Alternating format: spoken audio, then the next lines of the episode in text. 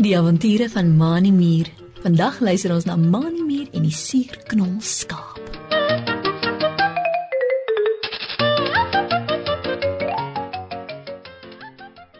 Mani Mier en Driekie Dassie stap algeselsende met die voetpaadjie in die veld terug huis toe van die skool af.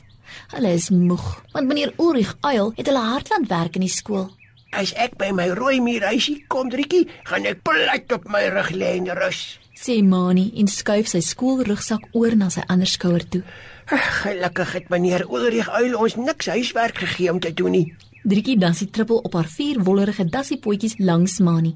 Ek is ook bly dat ons nie huiswerk gekry het nie, Mani. Sê Driekie en sleep haar rugsak wat twee klein wielietjies onderaan het agter haar aan in die veldpaadjie. Miskien kan ons twee later vandag, as ons eers uitgerus is, 'n bietjie saam speletjies speel.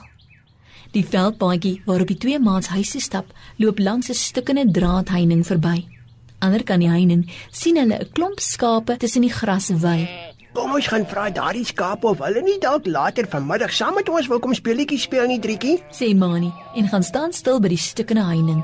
As ons 'n klomp is wat saam speel, kan ons meer speletjies speel as wanneer dit net ons twee is.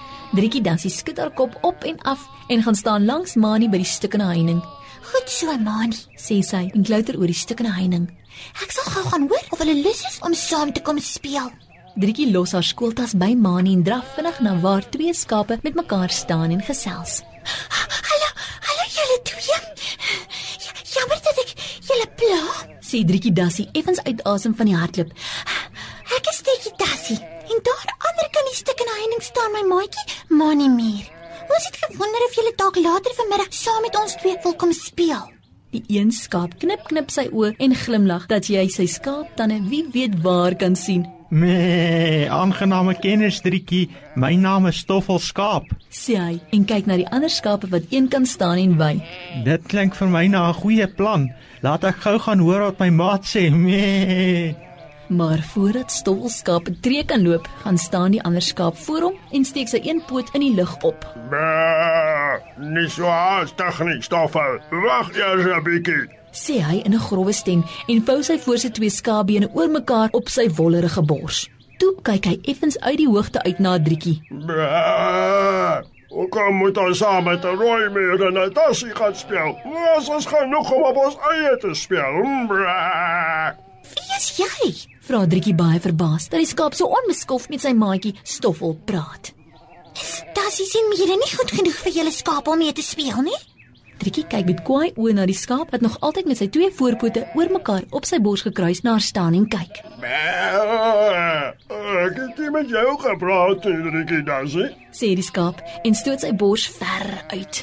Ek is skoonraadskaap en ek is die leier van almal hier. Bah. Ek sê wat ons mag doen en wat ons nie mag doen nie. Stoffel kan nie sommer self dink hierdie speelery is 'n goeie plan nie. Ons moet eers almal daaroor gesels.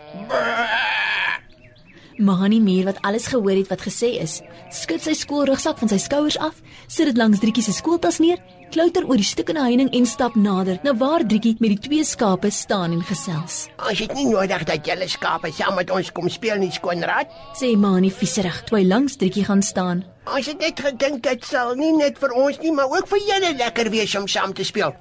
Maar as julle nie daarvoor lus het nie, sal ons op ons eie speel. Kom Driekie, laat ons loop. Mahani vat Drietjie Dassie se een wollerige voorpotjie en die twee maats draai om om weg te stap. Voordat Mahani Mier en Drietjie Dassie nog 'n tree gegee het, spring Stoffelskaap voor hulle in. Nee, wag julle twee, moenie loop nie. Roep hy en skud sy kop heen en weer terwyl hy na skoonraad skaap kyk. Skoonraad skaap, jy kan partykeer 'n regte suurknol wees. Nee. Sê hy en gaan staan voor skoonraad. Toe, loop vra die ander of hulle wil saam speel, anders gaan ek dit doen. Nee. En wat die ander ook al sê, ek gaan Mani en Drietjie se uitnodiging aanvaar en later vanmiddag saam met hulle speel. Nee. Skoonraad skaap is briesend. Hy hou nie daarvan dat daar nie na hom geluister word nie. Bah. Ek wil niks van jou hoor nie, Stoffel. Sê hy in sy grouwe stem en stamp met sy een skaappoot op die grond. Die Dassie is reg. Hulle is nie in ons klas nie. Hulle is te klein en te lelik.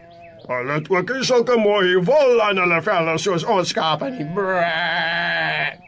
Om saam met hulle te gaan speel, sal beteken ons moet met hulle meng en daarvan hou ek nie. Wat sal die ander diere dink van ons dink?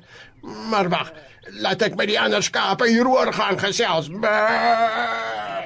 Skoonraad skaap bler so ver as wat hy loop en skud aan mekaar sy wollerige skaapkop.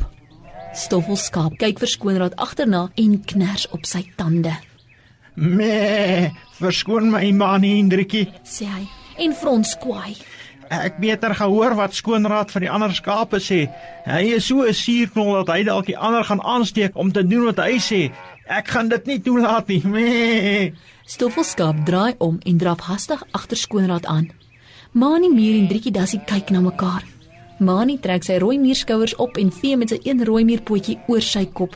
Ek het nog nooit so 'n suurknol gesien so skoonraad skaap nie, Driekie. Sê hy en kyk na waar Stoffel en Skoonraad met die ander skape staan en gesels. Ek dink ons moet op ons eie gaan speel vanmiddag. Kyk net daar hoe beduie skoonraad met sy pote.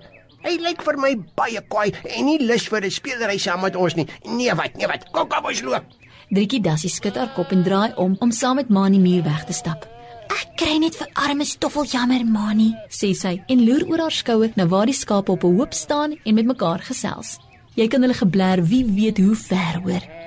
By die stukkende heining aangekom, klouter die twee maats bo-oor, tel hulle skooltasse op en begin in die veldpaadjie aan te stap. Hulle het skaars 'n paar tree geloop toe hulle 'n gebler agter hulle hoor.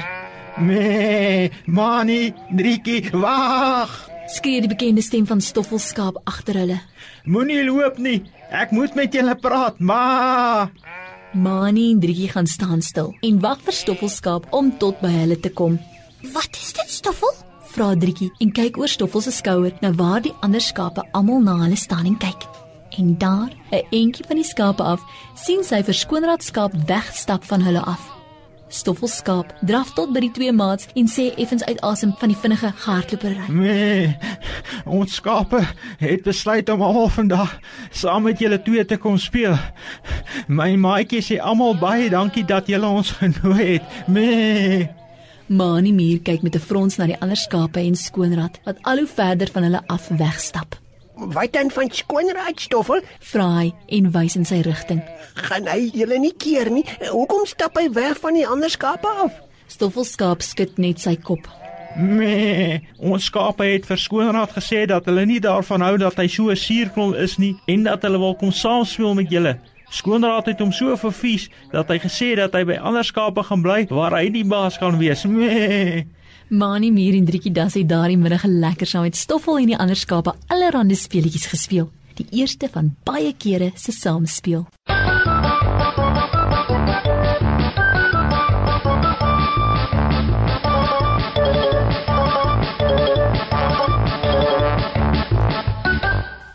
Ons lees in die Bybel in Spreuke 12 vers 18.